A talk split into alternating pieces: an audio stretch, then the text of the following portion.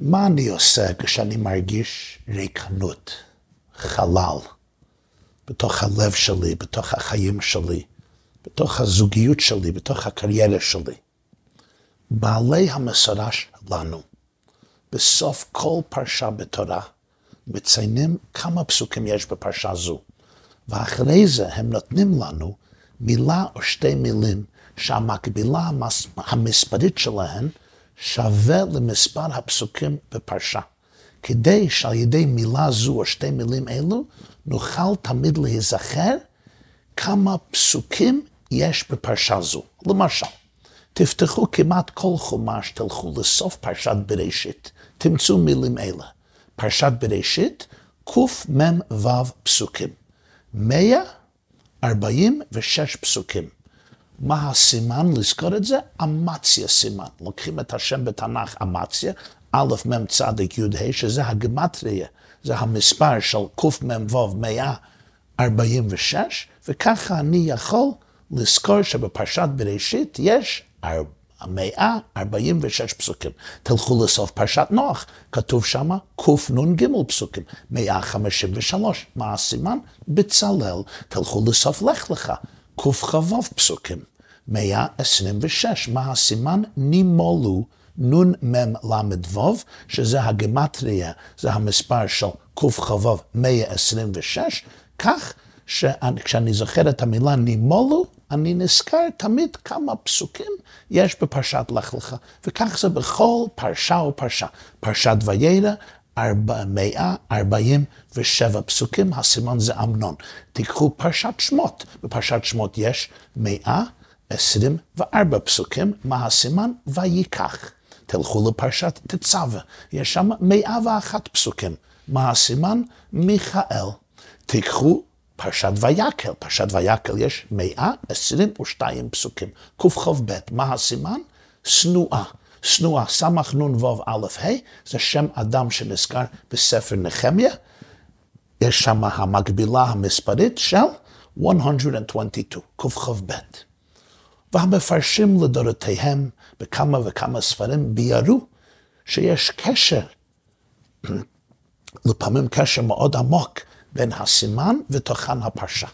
אולם, מכל 53 פרשיות התרה, יש יתום אחד יוצא מן הכלל, חריג יחיד, פרשת פקודי.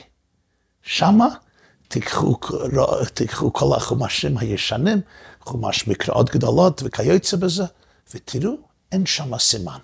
כתוב בסיום פרשת פקודי כרגיל, כי הפרשה הזו מכילה צדיק ב' פסוקים, 92 פסוקים, אך לא נתפסה שום זיכרון, שום סימן, כדי לזכור את המספר 92. זו באמת תופעה מוזרה.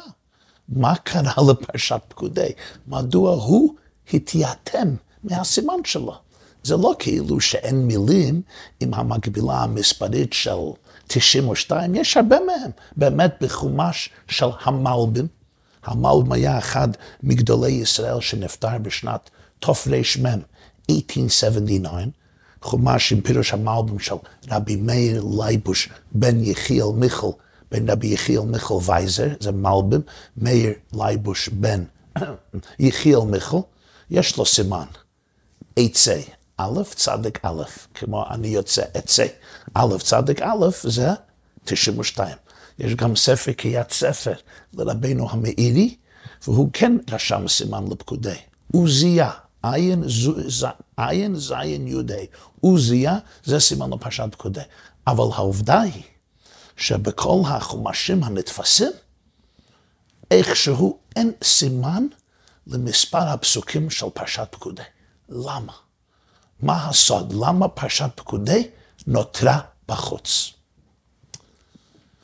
בקיץ של 1953, 1953, היה אז יהודי שהיה גר בתל אביב, הוא היה יליד רוסיה, הוא היה חסיד חב"ד, והוא אז חי והיה רב בתל אביב. שמו היה הרב אלכזנדר סנדר יודסן.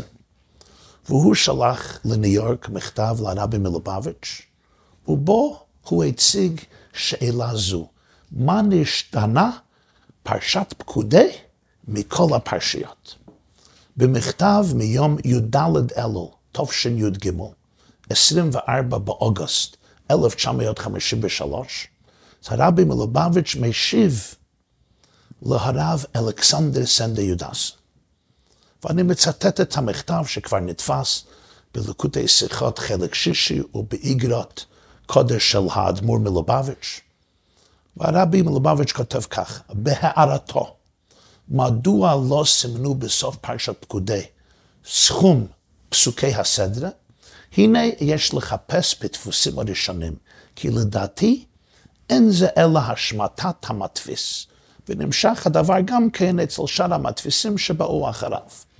אז הרבי פה משער שזה לא עניין, זה לא סוד גדול, איך אומרים, סוד בברוד, הסוד גנץ ברוד זה לא סוד בברוד, פשוט זה נשמט בדפוס ראשון, וככה כל המדפיסים חיכו את המדפיס הראשון וזה לא נכנס. אבל אחר כך, הרבי מלובביץ' מוסיף רעיון מדהים וגאוני בפשטותו. והוא כותב במכתב ככה, אולי אפשר שהיה כתוב בלי כל סימן. והכוונה, והכוונה בזה הייתה שיש בסדרה צדיק ב' פסוקים. ובא הבחור הזצר ותפס את העניין כפשוטו, שאין כאן סימן, והשמיט מילות אלו מחיסרון ידיעה. כלומר, הרבי מלובביץ' מציע איזושהי סברה להסביר מה קרה ואיך זה קרה. איך באמת זה קרה שהמדפיס בדפוסים הראשונים של החומש השמיט את הסימן בפרשת פקודי, וכך זה נשאר מחומש לחומש לחומש. אז הוא מסביר ככה. בפרשת פקודי יש 92 פסוקים. הגמטריה של המילים בלי קול, בית למד יוד, קוף למד בלי קול היא 92. ייתכן איפה, כותב הרב, שהיה כתוב ככה, פרשת פקודי, יש בו צדיק בית פסוקים, 92 פסוקים, בלי קול, בלי קול זה הסימן. בלי, בית למד יוד, קוף למד, בלי קול זה הסימן. אחר כך בא מדפיס שהיו קוראים ביידיש בחור הזעצער, הבחור שהיה מתקתק, היה מכין את זה לדפוס, ולפעמים, ולפעמים הוא לא הבין את משמעות הדברים. אז הוא תפס את העניין כפשוטו, שאין כאן שום סימן, שהרי כתוב בלי קל סימן. אז הוא חשב שפשוט אין סימן, אז כתוב פרשת פקודי, 92 פסוקים בלי כל סימן. אין פה סימן. I'm sorry, אין לנו סימן, בלי כל סימן. אז הוא הבין לתומו שפשוט אין סימן. אז הוא החליט, בגרונותו החליט, למה אני צריך לכתוב שאין לי סימן? למה להפסיד דיו לחינם? נשאיר את הסימן ריק, וכולם כבר יבינו שאין כאן סימן.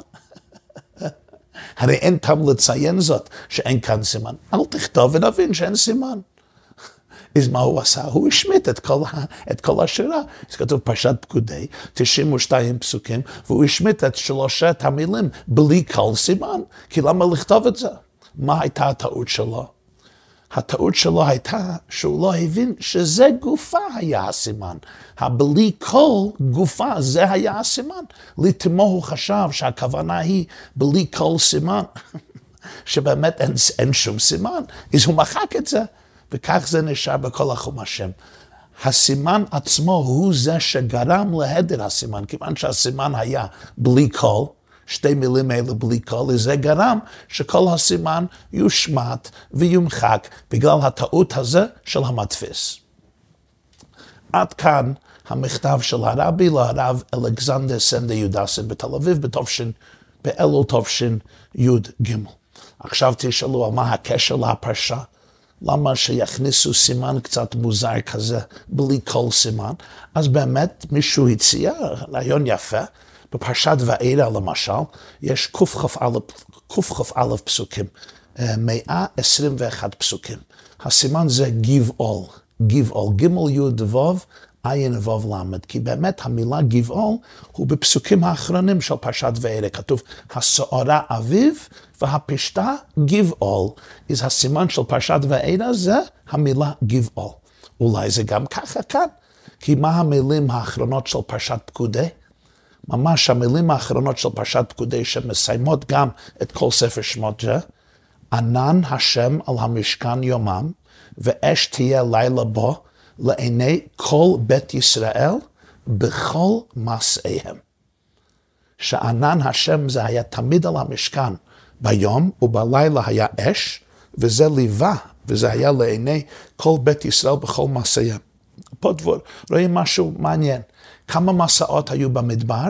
כפי שנלמד בפרשת מעשה, היו 42 מסעות, במבז מסעות. כתוב בכל מעשיהם, אז המילה הראשונה של, האות הראשונה של בכל זה ב', האות הראשונה של מעשיהם זה מ', ביחד זה מ"ב, כי היו מ"ב 42 מסעות.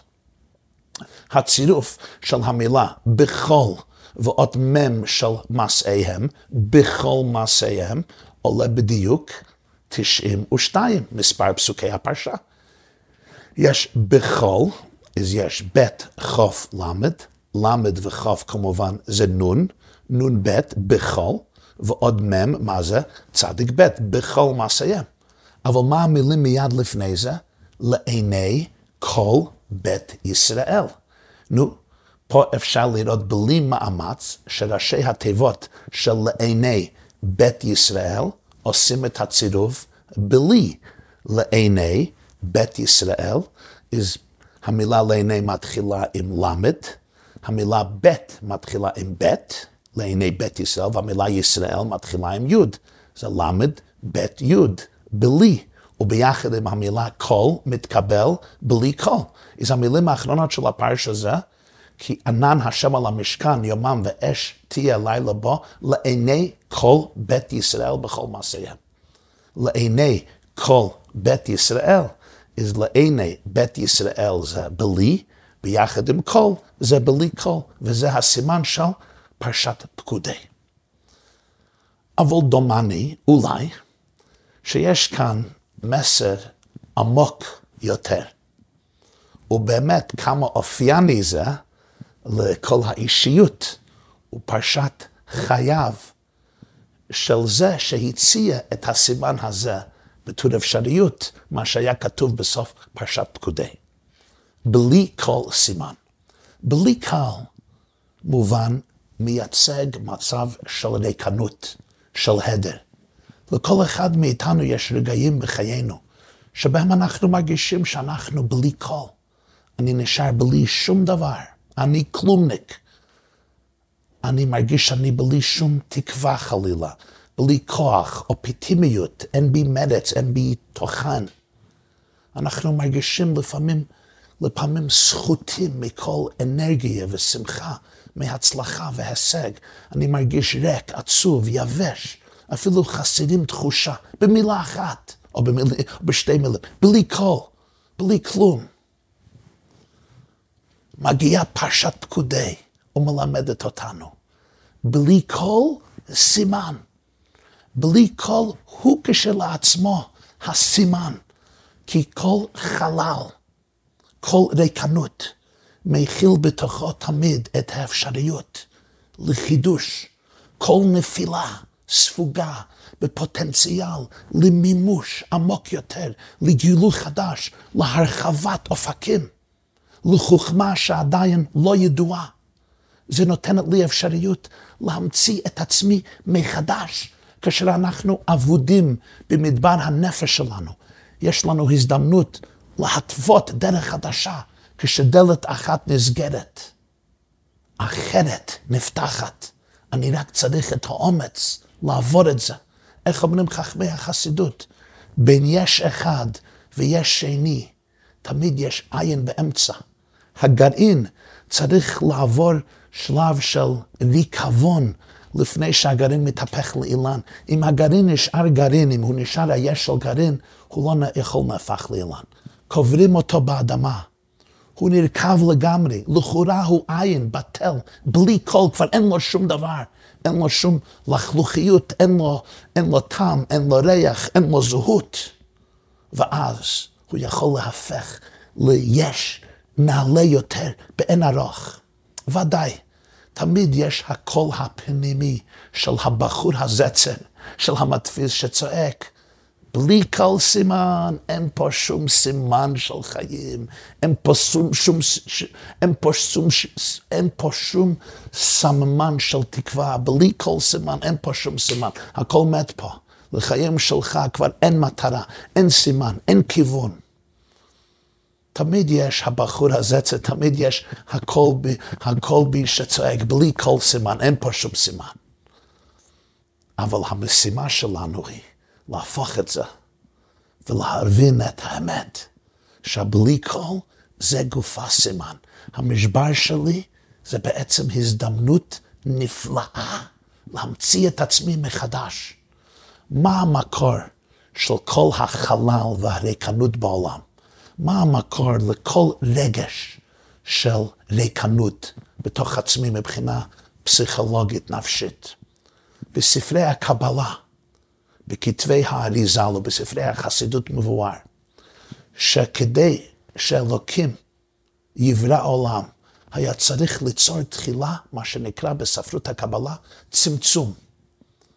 השם הסתיר את אורו ונוכחותו האינסופים, והוא יצר כאילו חלל ריק. זה נקרא בקבלה חלל ומקום פנוי. ובתוך הריקנות הזו מתחילים הקיום והתודעה האנושית. וזה רעיון מאוד מאוד uh, יסודי בספ, בספרי הקבלה והחסידות, כי מה זה אומר? שעצם היסוד של קיומנו אינו אור, אלא חושך. לחיות פירושו להתעמת עם חלל קוסמי, a cosmic void. אני צריך להסתכל על cosmic void. יש חוויית העין בלב כל הבריאה. החושך בחיינו לא מתחיל עם הכאב או הייאוש המיידי שאני עשוי לחוות ברגע זה. אלה רק תסמינים, אלה רק סימפטומים. המקור של כל חושך, של כל ייאוש, של כל כאב, הוא החלל המקורי שנוצר על ידי אלוקים כסלע היקום. טבע ההגדרה של הקיום כפי שאנחנו מכירים אותו. גם אם חיינו, אם חייך, אם חייכם, מתנהלים בצורה משלמת, הוא מצב עמוק מאוד של עין, של הדש, של ריקנות, של עולם של לכאורה מנותק מהמקור שלו, כי המצב האמיתי הוא שיש הרמוניה, יש אחידות בהבריאה, האין סוף האלוקי זורם בכל תא, בכל אטום, בכל גרגיר חול, בכל שרץ, בכל עוף, בכל בהמה, בכל טיפת מים, בכל אילן, בכל עשב, בכל צמח, בכל, בכל גלגל, בכל כוכב, בכל שריר. אבל מה הצמצום יצר? הצמצום יצר שמה שאנחנו חווים זה טראומה בעצם הקיום. ובני אדם שהם מאוד רגישים, הטראומה שלהם לא מתחיל מטראומות שמג... שנוצרות בעת החיים. זה כמובן גם, אנחנו מדברים על זה הרבה, אבל הטראומה הראשונית זו הכי עמוקה, שכל נשמה רגישה מרגישה, זה טראומה של ניתוק. אני מרגיש ריקנות, אני מרגיש אבוד, אני מרגיש מיואש. למה? כי האני הוא באמת עין. האני הוא באמת מחובר ומדובק עם האין סוף, אין עוד מלבדו. איך אומר משה רבנו? אתה הראית לדעת כי השם הוא הלקים, אין עוד מלבדו. אבל הלידה של היקום והלידה הפרטית שלי זה הרגש כאילו שאני מנותק. זה ההרגש, זה ההתחלה של כל החללים בחיים. כשאנחנו מסתכלים ומרגישים וחווים את הריקנות הזו, זה משגע אותנו. ואנחנו יכולים להסיק בלי כל סימן. אין כאן כלום. אין כאן שום תוכן, אין כאן שום תכלית, אין כאן שום אהבה. אבל גדולתו של הסיפור האנושי והסוד של העם היהודי הוא שאנחנו מסתכלים על הצמצום, על החלל, על המקום פנוי, הקוזמי והאינדיבידואלי, ואנחנו מכריזים בלי כל סימן. אנחנו בוחרים לראות את הריקנות כסימן, כאות המוביל לנוכחות החיים של השם. אנחנו יודעים שמתחת ובתוך החושך, בתוך החלל, מסתתר לא רק אור, אלא האור העמוק מכולם. יש ניגון של בעל התניא על המילים של הנביא, אכן אתה כל מסתתר. אכן אתה, אתה כל מסתתר, אכן אתה, אתה כל מסתתר, אוי אכן אתה, אתה כל מסתתר, אוי אכן אתה, אתה כל מסתתר. יש פה איזו שמחה תמונה במילים, במנגינה הזו. מה השמחה? השמחה הוא שהבן אדם יודע שאכן אתה כל מסתתר. אין דבר כזה כמו סתם חושך, ריקנות שהיא ריקנות אבסולוטית, מוחלטת, אינסופית. לא. אפילו בתוך החלל במקום הפנוי יש נוכחות האינסוף שמתעלמת שמה. זה דומה לחור השחור בפיזיקה המודרנית, מה שקוראים black hole.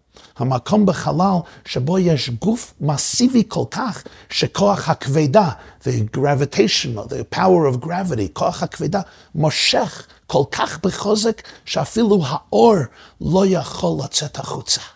אפילו האור לא יכול להשתחרר מחור השחור. אז מה קוראים לזה בפיזיקה? חור שחור. לא כי אין בו אור, להפך. שם יש כל האור, אלא שכוח המשיכה כל כך חזק, שלא נותנים לאור להשתחרר, האור לא יכול לצאת החוצה, אז כל האור נשאר בפנים, אז מה זה נקרא? זה נקרא חור שחור, אבל שם יש הרבה יותר אור, מכיוון ששום אור לא יכול לצאת, אז אנחנו לא יכולים לראות חורים שחורים. הם בלתי נראים, כי כוח המשיכה מושך את כל האור לאמצע, לאמצע החור. אז כל האור נמצא בפנים, אז הוא לא יוצא החוצה, הוא לא מקרין החוצה. זה סוד הצמצום בקבלה. יש שם כל, כל האור, כל הפנימיות, כל המטרה, כל היופי, כל התכלית של היצירה שלנו, זה להפוך את החושך לאור, את הריקנות למשמעות. כל חלל שיש לנו בחיים, זה רק ביטוי של הצמצום המקורי, של החלל הקוסמי, והוא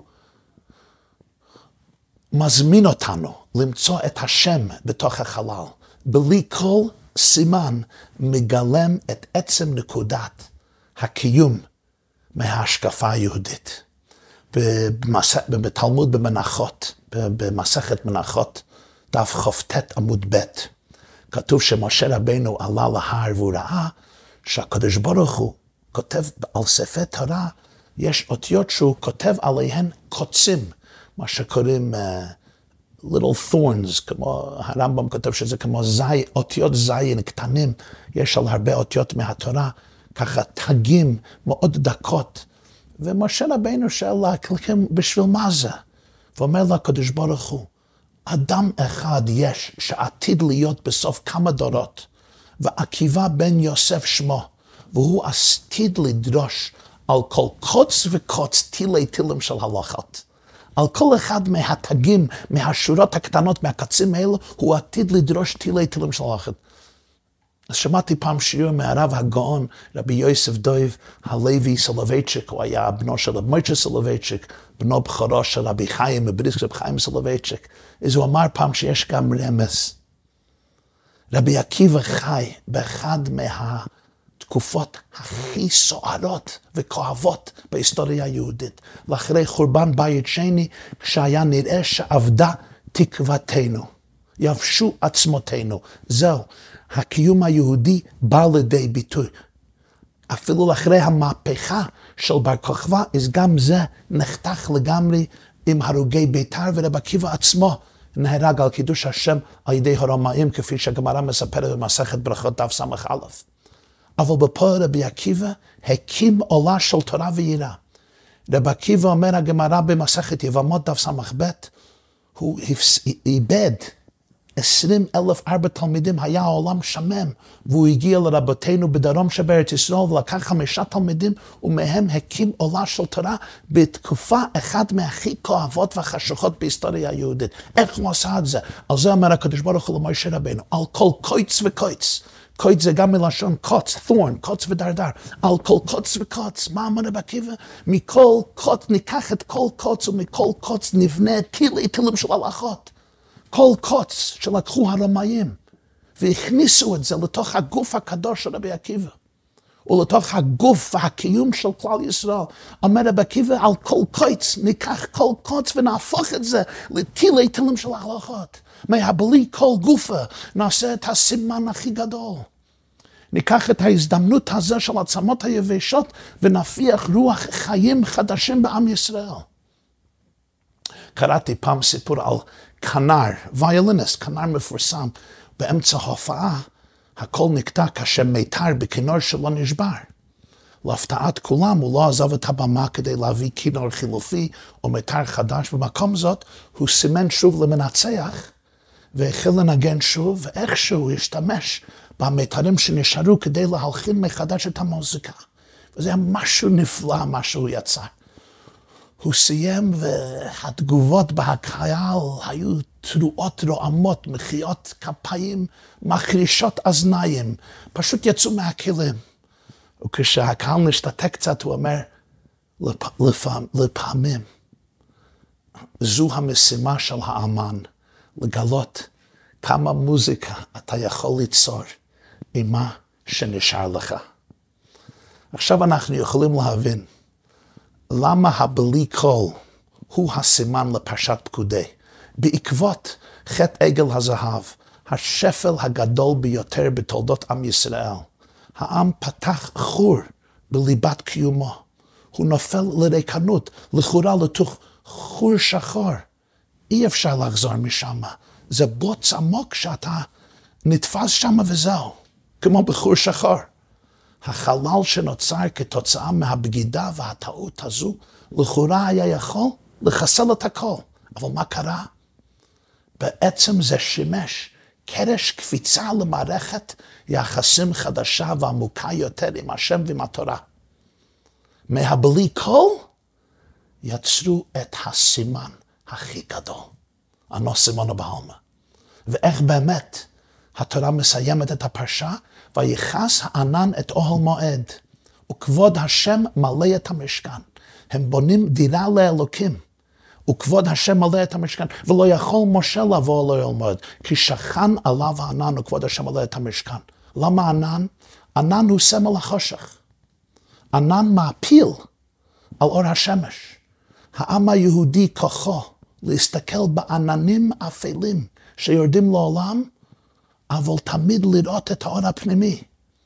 הם הוכיחו כי השם שוכן גם בתוך ענני החושך. כי עצם הריקנות, החור השחור נושא בתוכו הפוטנציאל לאור הכי גדול ועמוק.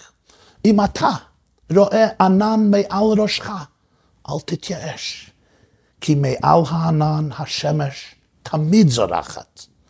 לפעמים, בתוך הענן, אתה יכול לפגוש את העצמיות שלך, הכי פנימית והכי עמוקה ואותנטית.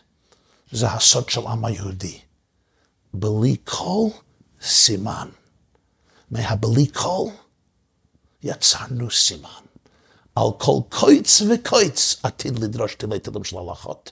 אנחנו לפעמים מסתכלים מסביב ורואים עננים, אבל בכל זאת אנו יודעים שהעננים האלה ממש ספוגים באור הגאולה. תודה רבה.